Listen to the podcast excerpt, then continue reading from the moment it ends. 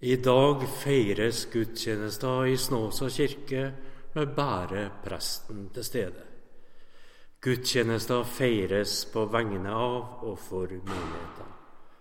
Lys er tent i lysklubben for alle som sitter i isolasjon ved sykehjemmer og andre institusjoner. Og lys er tent for alle syke, engstelige og ensomme, for konfirmanter, skolebarn og barn barnehagebarn som nå er hjemme, og lys er tent for alle familier. Lys er også tent for alle verdens mennesker, og et eget lys er tent for alle flyktninger og krigsoffer. Offeret i dag går til Kirkens Nødhjelps fasteaksjon og samles inn ved hjelp av VIPS til Snåsa menighets konto for det formålet. Vips nummeret er 133371. Jeg gjentar 133371. Denne presten er ingen sanger, men liturgien krever at det blir synget salmer i gudstjenester. Jeg ber dere ha langmodighet med meg. Det er godt å være stille og vente på hjelp fra Herren.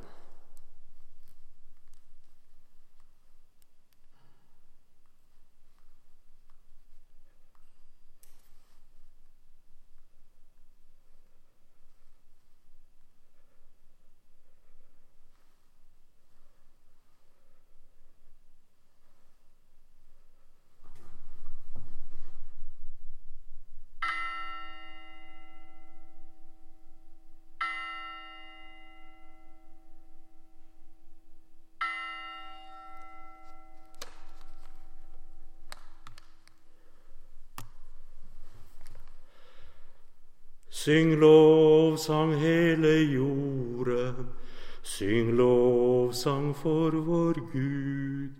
Syng lovsang hele jorden, syng lovsang for vår Gud. Juppmelodiene ormakalea i räffiem diese vatta. Nåde være med dere og fred fra Gud vår Far og Herren Jesus Kristus. La oss be. Herre, jeg er kommet inn i dette ditt hellige hus for å høre hva du, Gud Fader min skaper, du, Herre Jesus min frelser, du, Hellige Ånd min trøster og liv i liv og død vil tale til meg. Herre, lukk nå opp mitt hjerte ved din Hellige Ånd, så jeg av ditt ord må lære å sørge over mine synder og tro i liv og død på Jesus og fornyes dag for dag til et liv i rettferd og hellighet ved Jesus Kristus, vår Herre. Gud, vi ber. Amen. Kjærlighetens Gud, du ga din sønn til soning for våre synder. Vi ber deg, vend våre øyne mot ham når vi nå blir satt på prøve, og hjelp oss når vi er svake, ved Jesus Kristus, vår Herre, som med deg og Den hellige ånd lever og råder, en sann Gud fra evighet til evighet. Amen. La oss bøye oss for Gud og bekjenne våre synder. Gud, vær meg nådig, tilgi meg min synd for Jesu Kristi skyld. Skap i meg et rent hjerte og gi meg kraft til nytt liv ved din Hellige Ånd. Og Guds ord sier Dersom vi bekjenner våre synder, er Han trufast og rettferdig, så Han tilgir oss syndene og renser oss for all urett.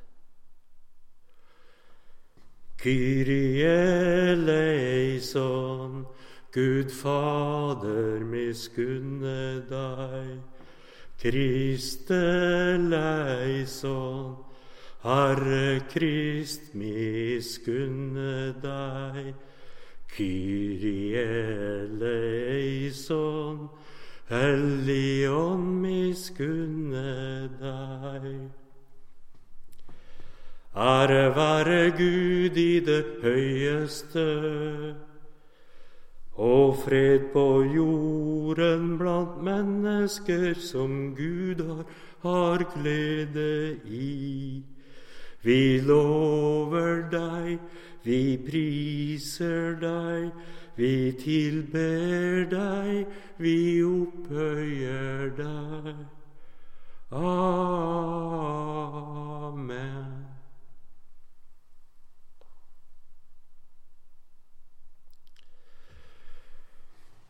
La oss høre Herrens ord. Vi hører først fra Første Mosebok, kapittel 22. En tid etter at dette hadde hendt, satte Gud Abraham på prøve. Han sa til ham, 'Abraham', og han svarte, 'Ja, her er jeg'. Da sa han, 'Ta din sønn den eneste, Isak, han du elsker, og dra til landet Moria.' Der skal du ofre ham som brennoffer på et av fjellene. Jeg skal fortelle deg hvilket. Og Abraham sto tidlig opp neste morgen, lesset på eselet sitt og tok med seg to av tjenesteguttene sine og Isak, sønnen sin. Han kløvde ved til brennofferet, og så ga han seg i vei til det stedet Gud hadde sagt ham. Den tredje dagen så Abraham opp og fikk øye på stedet i det fjerne. Da sa Abraham til tjenesteguttene, slå dere til Hermesle, jeg og gutten vil gå bort dit og tilbe, og så kommer vi tilbake til dere. Abraham tok offerveden og la den på Isak, sønnen sin. Selv tok han ilden og kniven i hånden, og så gikk de sammen, de to. Da sa Isak til sin far Abraham, Du far, og han svarte, Ja, sønnen min. Han sa, Se, her er ilden og veden, men hvor er brennofferlammet? Abraham svarte, Gud vil selv se seg ut et brennofferlam, sønnen min. Og så gikk de sammen, de to. Da de kom til det stedet Gud hadde sagt, bygde Abraham et alter der og la veden til rette. Så bandt han Isak, sønnen sin, og la ham på alteret oppå veden. Og Abraham rakte ut hånden og tok kniven for å slakte sønnen sin. Men Herrens engel ropte til ham fra himmelen og sa, Abraham, Abraham. Og han svarte, Ja, her er jeg. Han sa, Legg ikke hånd på gutten og gjør ham ikke noe. For nå vet jeg at du frykter Gud, siden du ikke har spart din eneste sønn for meg. Da Abraham så opp, fikk han øye på enhver som hang fast etter hornet i et kratt like bak ham. Abraham gikk bort, tok væren og ofret den som brennoffer i stedet for sønnen sin. Abraham kalte dette stedet Herren ser. Den dag i dag blir det sagt, på fjellet hvor Herren lar seg se. Vi hører videre fra brevet til hebreerne kapittel 4. Siden vi har en stor øversteprest som har gått inn gjennom himlene, Jesus, Guds sønn, så la oss holde fast ved bekjennelsen. For vi har ikke en øversteprest som ikke kan lide med oss i vår svakhet, men en som er prøvet i alt på samme måte som vi, men uten synd. La oss derfor frimodig tre fram for nådens trone, så vi kan finne barmhjertighet og finne nåde som gir hjelp i rette tid. Slik lyder Herrens ord.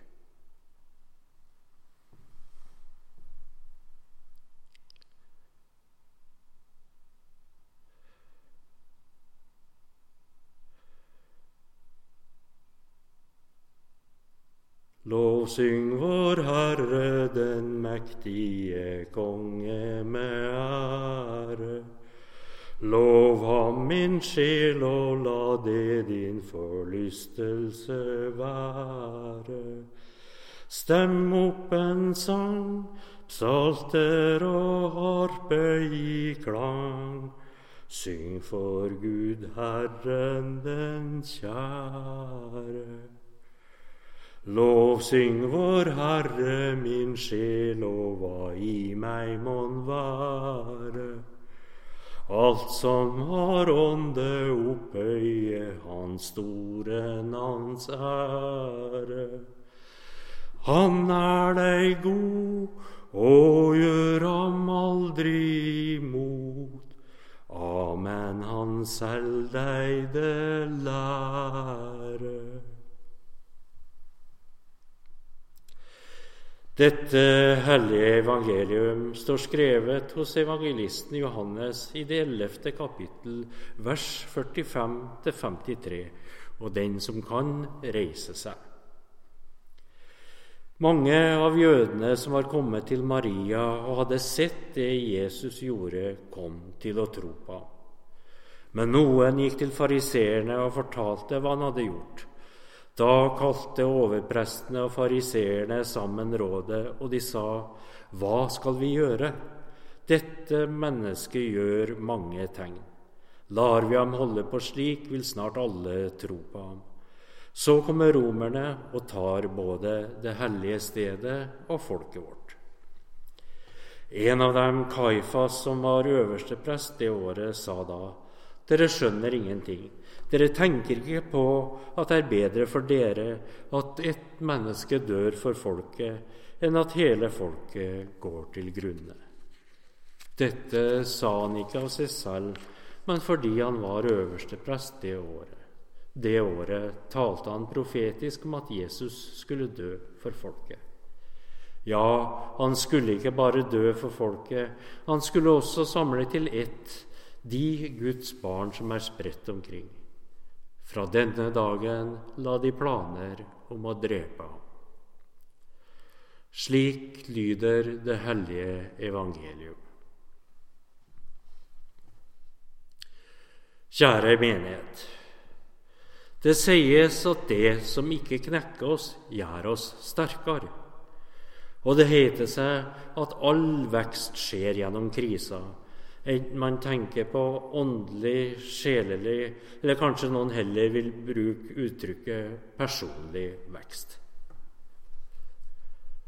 Mange av oss er vant til at livet går på skinner. Vi går på arbeid, vi mottar lønn, vi betaler regninger og renter, og vi lever ganske fine liv. Og når helsa holder og familien har det bra, da skulle man tro at vi var lykkelige og tilfreds og takknemlige for at hverdagslivet stort sett er trygt og godt her oppe i nord. Mange av oss lever i liv der de største utfordringene er å velge mellom hytta på fjellet og hytta ved sjøen, eller hvor ferden skal gå neste gang. Skiferie, skiferie i Nord-Italia, det begynner å bli så vanlig. Hva skal vi finne på for å dempe den gryende velstandskjedsomheten? Hellas er jo utelukka. Det reisemålet er ødelagt av flyktninger som prøver å ta seg inn i velstanden og tryggheten vår. Kanskje kan vi reise til Amazonas for å utforske det autentiske blant indianerne der.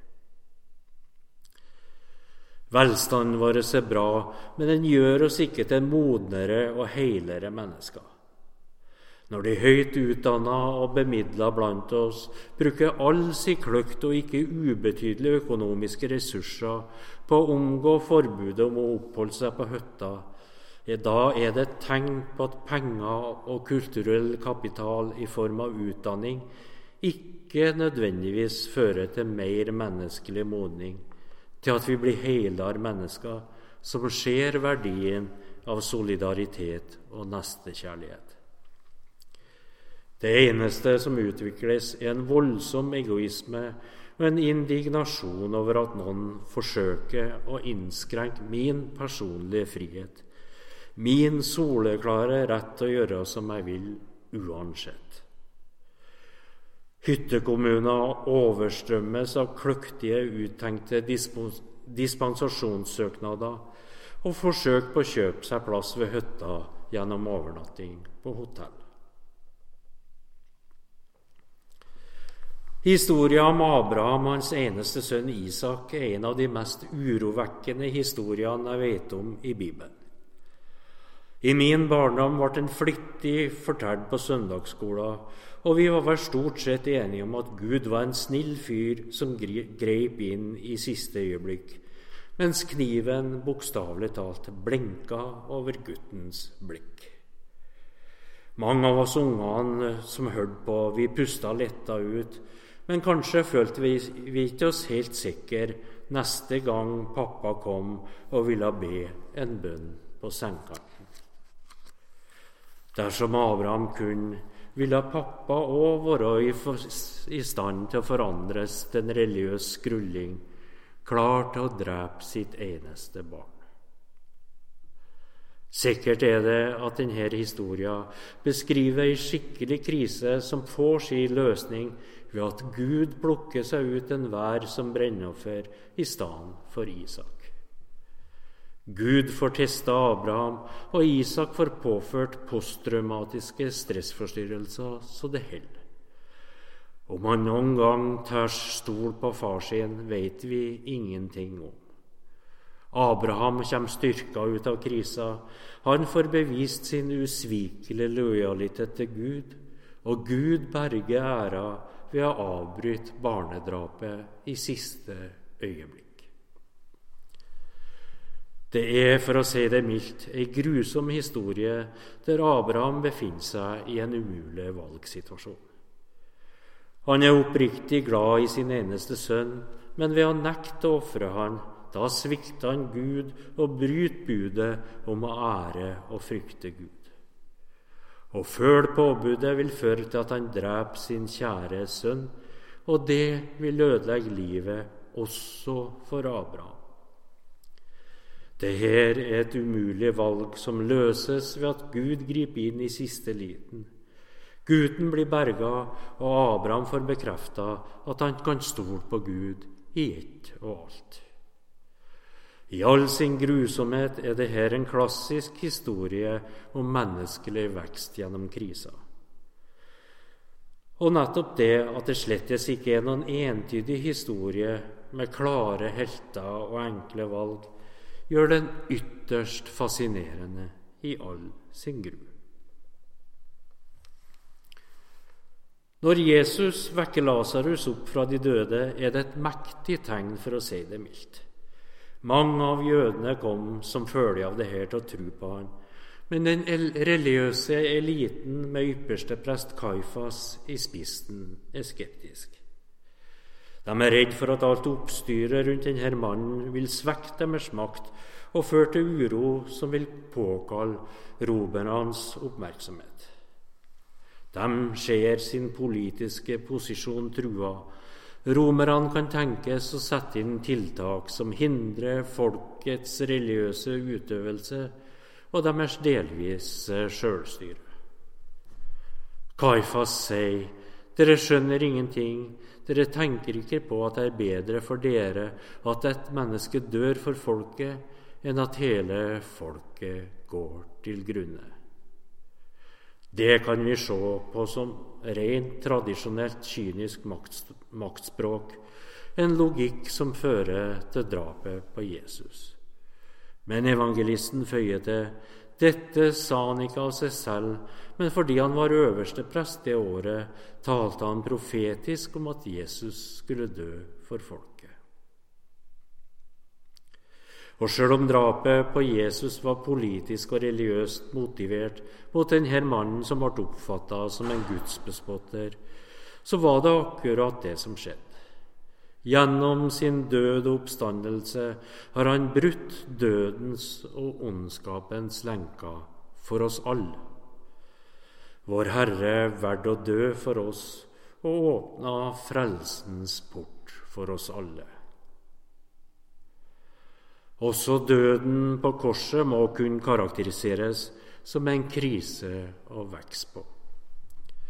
Vår mann hadde alle muligheter til å unnslippe, men han valgte den vanskelige forsoningens vei, der han sier, 'Abba, Far, alt er mulig for deg, ta dette begeret fra meg, men ikke som jeg vil, bare som du vil.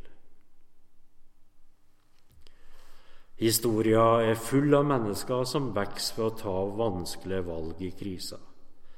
Vi kan tenke på Maximilian Maria Kolbe, som var en polsk fransiskanerprest som ble martyr da han gikk i døden for en medfange i Auschwitz.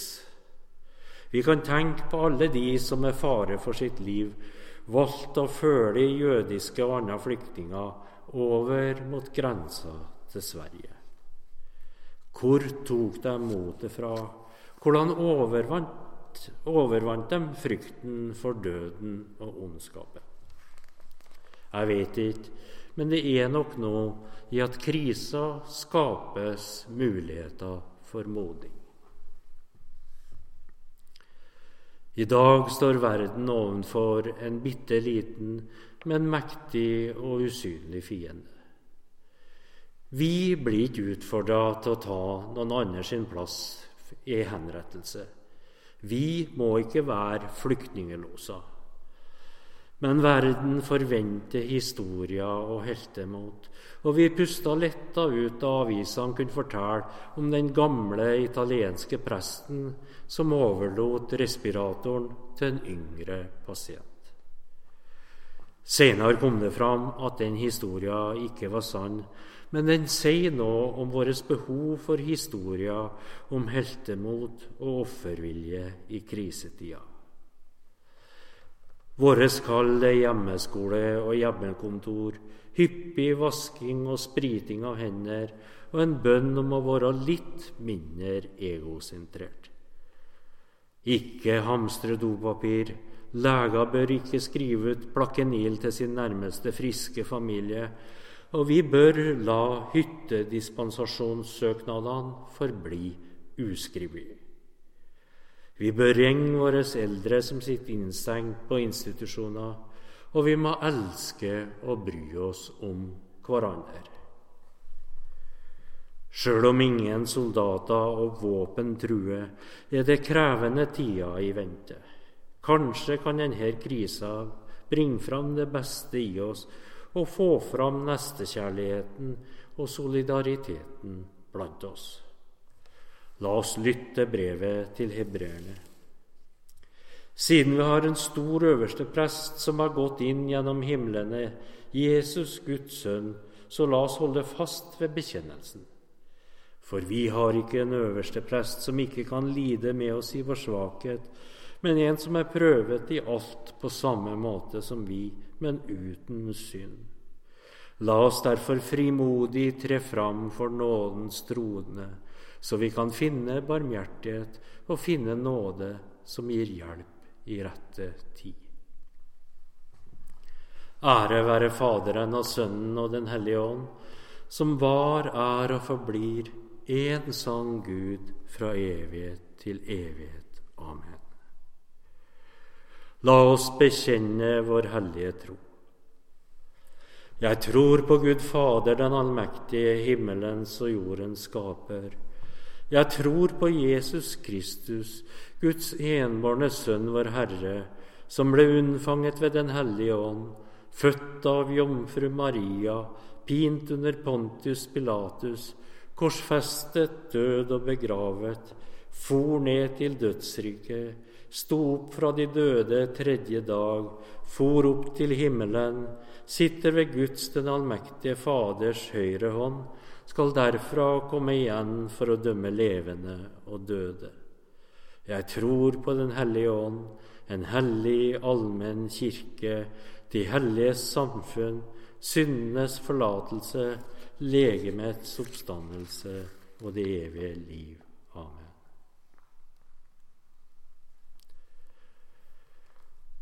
Bless the Lord, my soul and bless God's holy name. Bless the Lord, my soul, who leads me into life.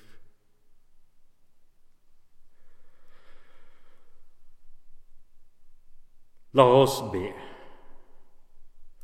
Gud, vi ber til deg for det folk som vandrer i mørket, for fanga og forfulgte, de brødløse og heimløse, de bombetrua og lemlesta, for de sjuke på kropp og sjel, de ensomme og bortglemte. Gud, vi ber. Gi brød og fred, gi rettferdighet og frihet i verden gjennom alle som arbeider for en mer menneskelig framtid. Dem som tar avgjørende beslutninger, dem som bygger bruer og hus, dem som gjør død jord lovende og fruktbar, dem som pleier å behandle, dem som forsker og underviser. Gud, vi ber. Gi oss alle av ditt ord gjennom de velsigna kirke, som et daglig brød, ei kraft som virker til kjærlighetshandling, et lys på vei fra krybbe til kors, gjennom dødsskyggens dal til vår heim hos deg. Fra to av konfirmantene våre tar vi med Jeg takker for alt jeg har i livet jeg takker for mine, min fine familie. Jeg takker for mine venner, og jeg takker for at jeg har et tak over hodet.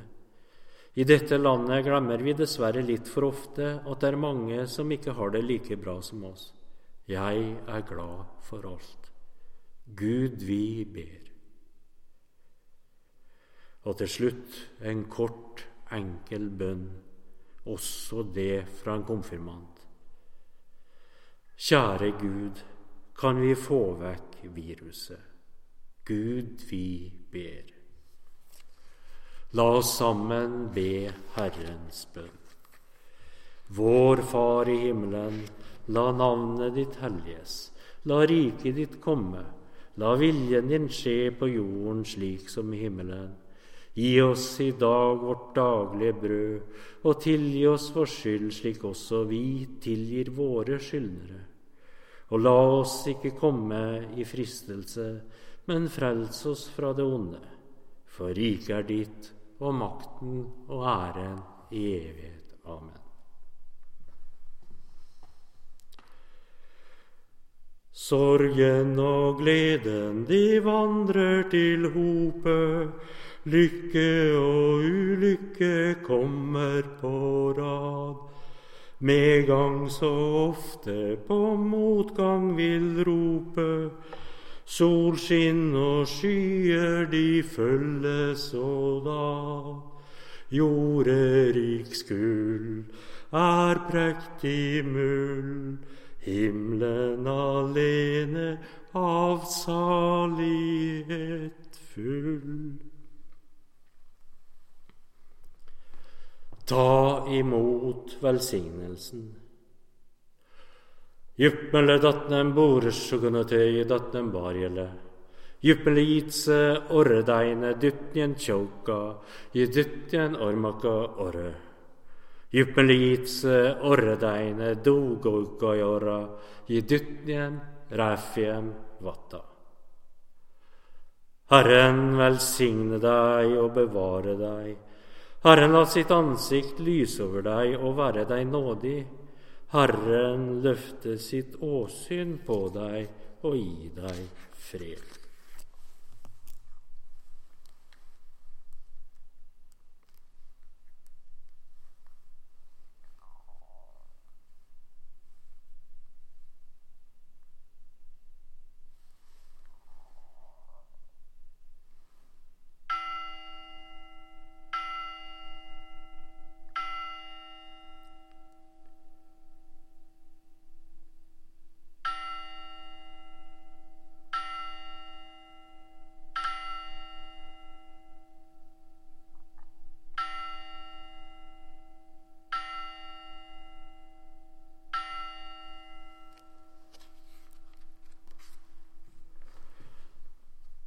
Neste gudstjeneste i Snåsa kirke er skjærtorsdag 9. april kl 19.00.